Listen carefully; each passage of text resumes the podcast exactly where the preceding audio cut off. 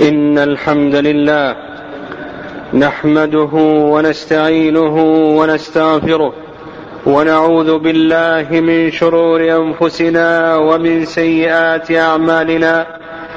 من يهده الله فلا مضل له ومن يضلل فلا هادي له. وأشهد أن لا إله إلا الله وحده لا شريك له. وأشهد أن محمدا عبده ورسوله. اللهم صل وسلم وبارك على نبينا محمد. يا أيها الذين آمنوا اتقوا الله حق تقاته ولا تموتن إلا وأنتم مسلمون. عباد الله شهر رمضان شهر الخيرات والبركات شهر مواسم الطاعات. لقد تميز شهر رمضان بخيرات كثيرات ومواسم وشعائر معظمة حري بالمسلم وجدير به أن يستفيد منها وأن يستغلها وأن تتحقق فيه حكمة الصيام. يا أيها الذين آمنوا كتب عليكم الصيام كما كتب على الذين من قبلكم. لعلكم تتقون. فرمضان هو شهر الدعاء. قال النبي صلى الله عليه وسلم فيما رواه الإمام أحمد وصححه المنذري ثلاثة لا ترد دعوتهم الإمام العادل والصائم حين يفطر ودعوة المظلوم. فليحرص المسلم على الدعاء عند الإفطار. فللصائم دعوة عند فطره لا ترد. كذلك ليحرص على الاستغفار بالاسحار. قال الله عز وجل والمستغفرين بالاسحار. وليتخلق باداب الدعاء. من حضور القلب والالحاح في الدعاء والبدء بحمد الله. والثناء عليه. والختم بالصلاة والسلام على نبيه محمد صلى الله عليه وسلم والتوسل بالوسائل المشروعة في الدعاء كالتوسل بأسماء الله الحسنى وصفاته العلى. وهل غاب عن ذهنك أيها المقصر أن الله تعالى يغفر الذنوب جميعا؟ مع التوبة والصدق التوجه.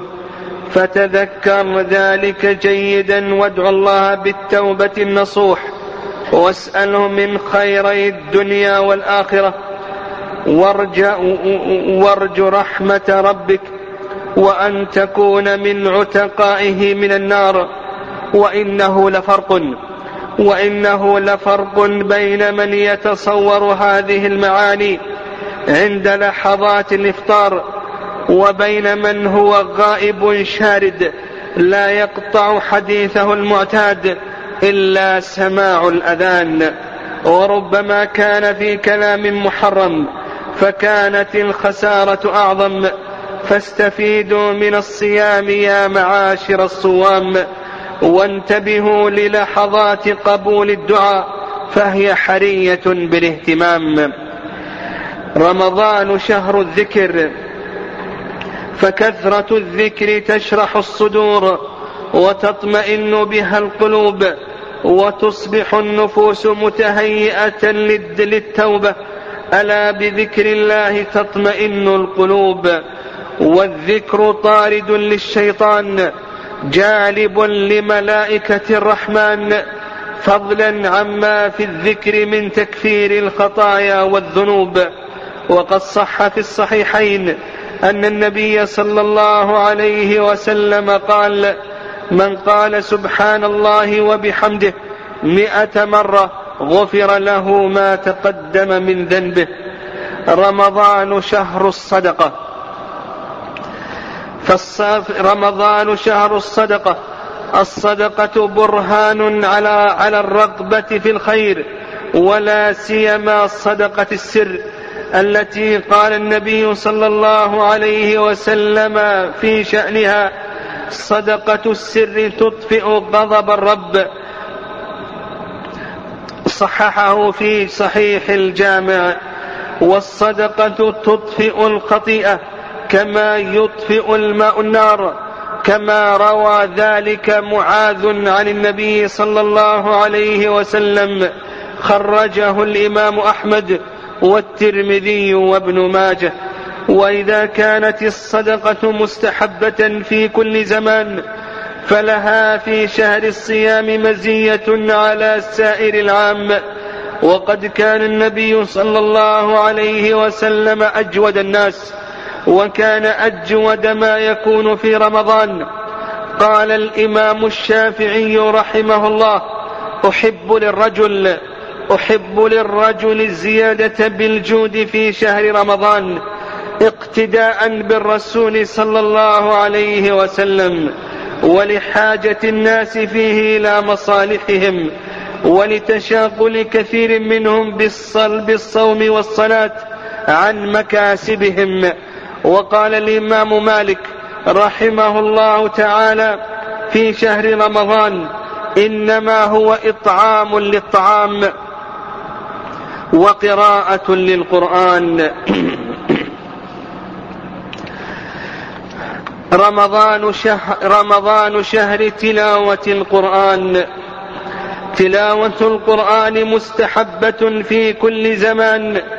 ولا شك أن للقرآن أثره على قارئه في كل حال. كيف لا؟ وهو الكتاب العظيم الذي تكلم الله عز وجل به. الذي لو أنزل على صم الجبال لتخش لتصدعت خشية خش خاشعة من خشية الله.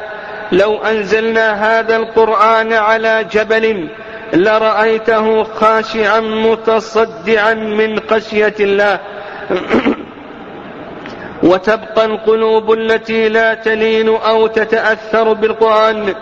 كالحجارة أو أشد قسوة وإن من الحجارة لما يتفجر منه الأنهار وإن منها لما يشقق فيخرج منه الماء وإن منها لما يهبط من خشية الله وما الله بغافل عما تعملون.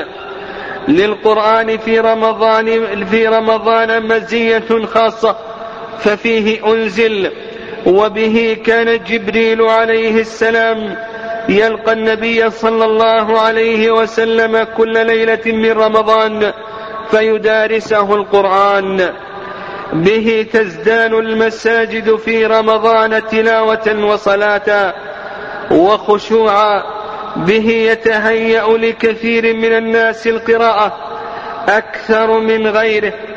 وإن كان حريا بالمسلم أن يداوم على قراءة القرآن في رمضان أو غير رمضان لكن فضل الزمان يدعو إلى كثرة التلاوة والتدبر للقرآن. في رمضان يجتمع الصيام مع تلاوة القرآن فيكون أسمى للروح وأخف للجوارح لعدم امتلاء البطن في بالطعام. قارئ القرآن بتدبر وتمعن يقوده إلى التوبة ولا بد فلا بد أن يعود إلى ربه ويستغفره من ذنوبه لعدة دواع منها أنه يقرأ ما أعده الله للمتقين من النعيم والحبور الدائم مما تطرب له النفوس وتتعلق به القلوب ويزداد شوقه إذا قرأ أن ذلك أن أن ذا أن في ذلك النعيم ما لا يستوعبه الخيال أو تحيط به العيون والأسماع. فلا تعلم نفس ما أخفي لهم من قرة أعين جزاء بما كانوا يعملون. يقوده ذلك إلى التوبة حين يقرأ أخبار المعذبين. من المعرضين والكافرين. قارئ القرآن يستشعر التوبة لأنه يقرأ أخبار وقصص التائبين.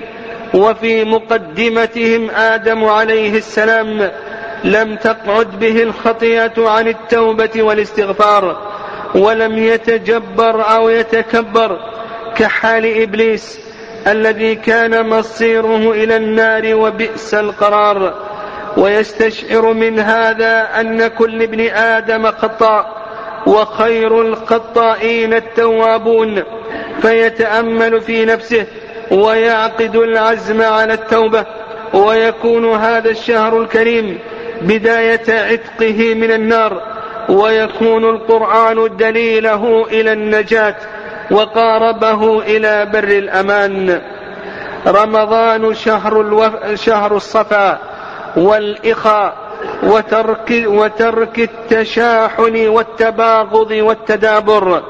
وقد سبق في حديث ابن عباس رضي الله تعالى عنهما أن النبي صلى الله عليه وسلم كان كان أجود الناس. ومن أعظم الجود أن تصل من قطعك وأن تعطي من حرمك وأن تعفو عمن أساء إليك. فحري بالأزواج الذين اللذين بينهما شيء من التنافر والتناحر والتقاطع أو الأقارب أو الجيران أو أو الأصدقاء والزملاء أن يغتنموا بركات هذا الشهر وأن يعودوا إلى الله عز وجل بالعفو والصفح والصفح ألا تحبون أن يغفر الله لكم؟ اللهم اجعلنا ممن يصوم هذا الشهر إيمانا واحتسابا وممن يقومه إيمانا واحتسابا وممن يستفيد من خيراته وبركاته ودروسه إنه ولي ذلك والقادر عليه. الحمد لله رب العالمين الرحمن الرحيم مالك يوم الدين والعاقبة للمتقين ولا عدوان إلا على الظالمين. وأشهد أن لا إله إلا الله وحده لا شريك له ولي المتقين. وأشهد أن محمدا عبده ورسوله سيد الأنبياء والمرسلين صلى الله عليه وعلى آله وأصحابه ومن تبعهم بإحسان إلى يوم الدين. وبعد قال الله عز وجل فالآن باشروهن وابتغوا ما كتب الله لكم وكلوا واشربوا حتى يتبين لكم الخيط الأبيض من الخيط الأسود من الخيط الأسود من الفجر. في هذه الآية الكريمة ذكر الله عز وجل أصول المفطرات وفي السنة تمام ذلك. فمن ذلك الجماع وهو إيلاج الذكر في الفرج وهو أعظم المفطرات وأشدها حرمة وتجب فيه الكفارة المغلظة كما ثبت ذلك في الصحيحين من حديث أبي هريرة رضي الله تعالى عنه. ومن المفطرات إنزال المني سواء كان ذلك باختيار إنزال المني. إذا كان ذلك باختيار من الصائم سواء كان ذلك بالمباشرة بمباشرة الزوجة أو بالاستمناء. وفي الحديث القدسي الذي أخرجه البخاري يقول الله عز وجل يدع طعامه وشرابه وشهوته من أجلي.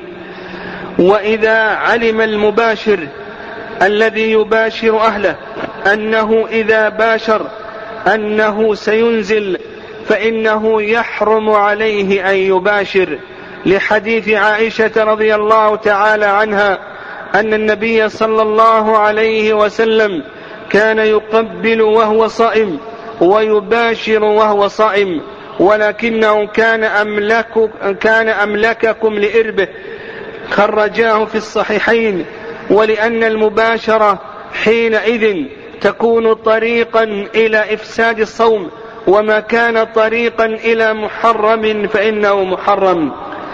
أما إنزال المني بالاحتلام أو بالتفكر فإنه لا يفسد الصوم لأن الله تجاوز عن هذه الأمة ما حدثت به أنفسها ما لم تتكلم أو تعمل ولأن النائم مرفوع عنه التكليف. ومن المفطرات خروج دم الحيض والنفاس لحديث عائشة رضي الله تعالى عنها أن النبي صلى الله عليه وسلم قال أليس إذا حاضت لم تصل ولم تصم؟ فلو أن المرأة رأت دم الحيض أو النفاس قبل الغروب ولو بلحظة واحدة فسد عليها صومها ولو أحست بانتقال الحيض لكن لم يخرج إلا بعد الغروب فإن صيامها صحيح. ولو رأت الدم بعد غروب الشمس ولم تدري هل خرج قبل الغروب أو بعده فإن صيامها صحيح لأن الأصل صحة العبادة. وإذا استيقظت من نومها فوجدت أنها طاهرة ولم تدري هل طهرت قبل طلوع الفجر أو بعده فإن صيامها غير صحيح لأن الأصل بقاء دم الحيض. ومن المفطرات عباد الله الأكل والشرب وهذا بالإجماع.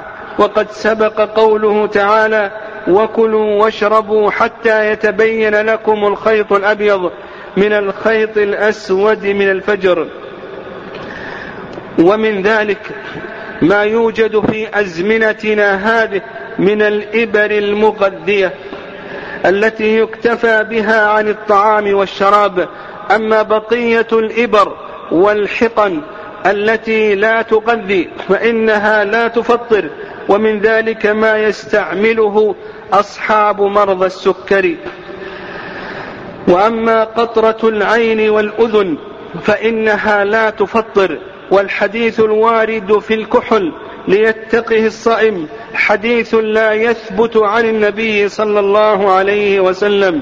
ولأن هذه ولأن ولأن هذه القطرة ليس لها منفذ إلى المعدة. وأما قطرة الأنف فلا تستخدم نهار رمضان لحديث لقيط بن صبرة لحديث لقيط بن صبرة رضي الله تعالى عنه وفيه قول النبي صلى الله عليه وسلم وبالغ في الاستنشاق إلا أن تكون صائما ومن المفطرات إخراج الدم بالحجامة لحديث شداد بن أوس رضي الله تعالى عنه أن النبي صلى الله عليه وسلم قال أفطر الحاجم والمحجوم رواه الإمام أحمد وأبو داود بإسناد صحيح ويلحق بالحجامة الدم ويلحق بالحجامة التبرع بالدم الكثير وعلى هذا لا يجوز للمسلم أن يتبرع بالدم إلا عند ضرورة المريض إليه. وأما سحب الدم للتحليل ونحوه فلا يفسد الصوم لأنه لا يقوم مقام الحجامة في إضعاف البدن. ومما لا يفسد الصوم بخاخ الربو أو غاز الأكسجين إذا احتاج المريض إلى ذلك. وكذلك أيضا التحاميل التي تؤخذ عن طريق الدبر أو عن طريق الفرج فإنها لا تؤثر على الصوم ولا يستخدم الصائم. لا يستخدم الصائم المعجون ولا السواك ولا السواك المعطر لأن هذه الأشياء لها طعم قوي ينفذ إلى المعدة. هذا هو الأولى بالمسلم وليقتصر على السواك. ومما يفسد الصوم القيء وهو إخراج ما في المعدة عمدا. أما إذا ذرعه القيء دون أن يتعمد ذلك فإنه لا يؤثر على الصوم ولا يستنشق المسلم دخان البخور لأن له أجزاء تصعد إلى المعدة وتطبخها. أما ما يتعلق بالغسيل الكلوي فإنه مفطر للصيام. وأما ما يتعلق بحفر, بحفر السن أو قلعه أو معالجته ونحو ذلك فإنه لا يؤثر على الصيام ولو خرج منه شيء من الدم. لكن لو تيقن أن شيئا من أجزاء الدواء ذهب إلى المعدة فإنه يعيد صومه. عباد الله ويشترط لهذه المفطرات أن يكون عالما. وعلى هذا لو تناول هذا المفطر وهو جاهل لا يدري أنه مفطر فلا شيء عليه. وكذلك أيضا لو كان جاهلا بالحال كما لو كان يعلم الوقت كأن يأكل يظن أن الفجر لم يطلع أو يظن أن الشمس قد غربت فإن صيامه صحيح. والشرط الثاني أن يكون ذاكرا. وعلى هذا إذا كان إذا كان ناسيا فإنما أطعمه الله وسقاه. والشرط الثالث أن يكون مختارا وعلى هذا إذا كان مكرها على هذه المفطرات فإن صيامه صحيح. أسأل الله سبحانه وتعالى الفقه في دينه وأن يرينا الحق حقا ويرزقنا اتباعه والباطل باطلا ويرزقنا اجتنابه. اللهم أعز الإسلام والمسلمين. اللهم أعز الإسلام والمسلمين وأذل الشرك والمشركين. اللهم عليك بأعداء الدين. اللهم عليك باليهود الظالمين والنصارى الحاقدين. اللهم شتت شملهم وفرق جمعهم. واجعل اللهم الدائرة عليهم. واجعل واجعلهم غنيمة للمسلمين. يا ذا الجلال والإكرام. اللهم صل وسلم وبارك على نبينا محمد. وارض اللهم عن صحابته أجمعين.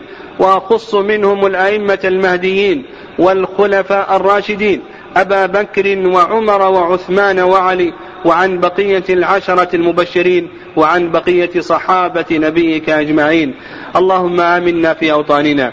اللهم آمنا في أوطاننا. وأصلح أئمتنا وولاة أمورنا. اللهم اجعلهم محكمي لكتابك وسنة رسولك محمد صلى الله عليه وسلم. اللهم تقبل منا إنك أنت السميع العليم وتب علينا إنك أنت التواب الرحيم. اللهم فرج كرب المكروبين ونفس عسرة المعسرين واقض الدين عن المدينين. اللهم فك أسر المأسورين. اللهم فك أسر المسلمين. اللهم ردهم إلى بلادهم وأهليهم سالمين غانمين. يا أرحم الراحمين. اللهم اشف مرضى المسلمين. اللهم اجعل ما أصابهم كفارة لسيئاتهم ورفعة لدرجاتهم. برحمتك يا أرحم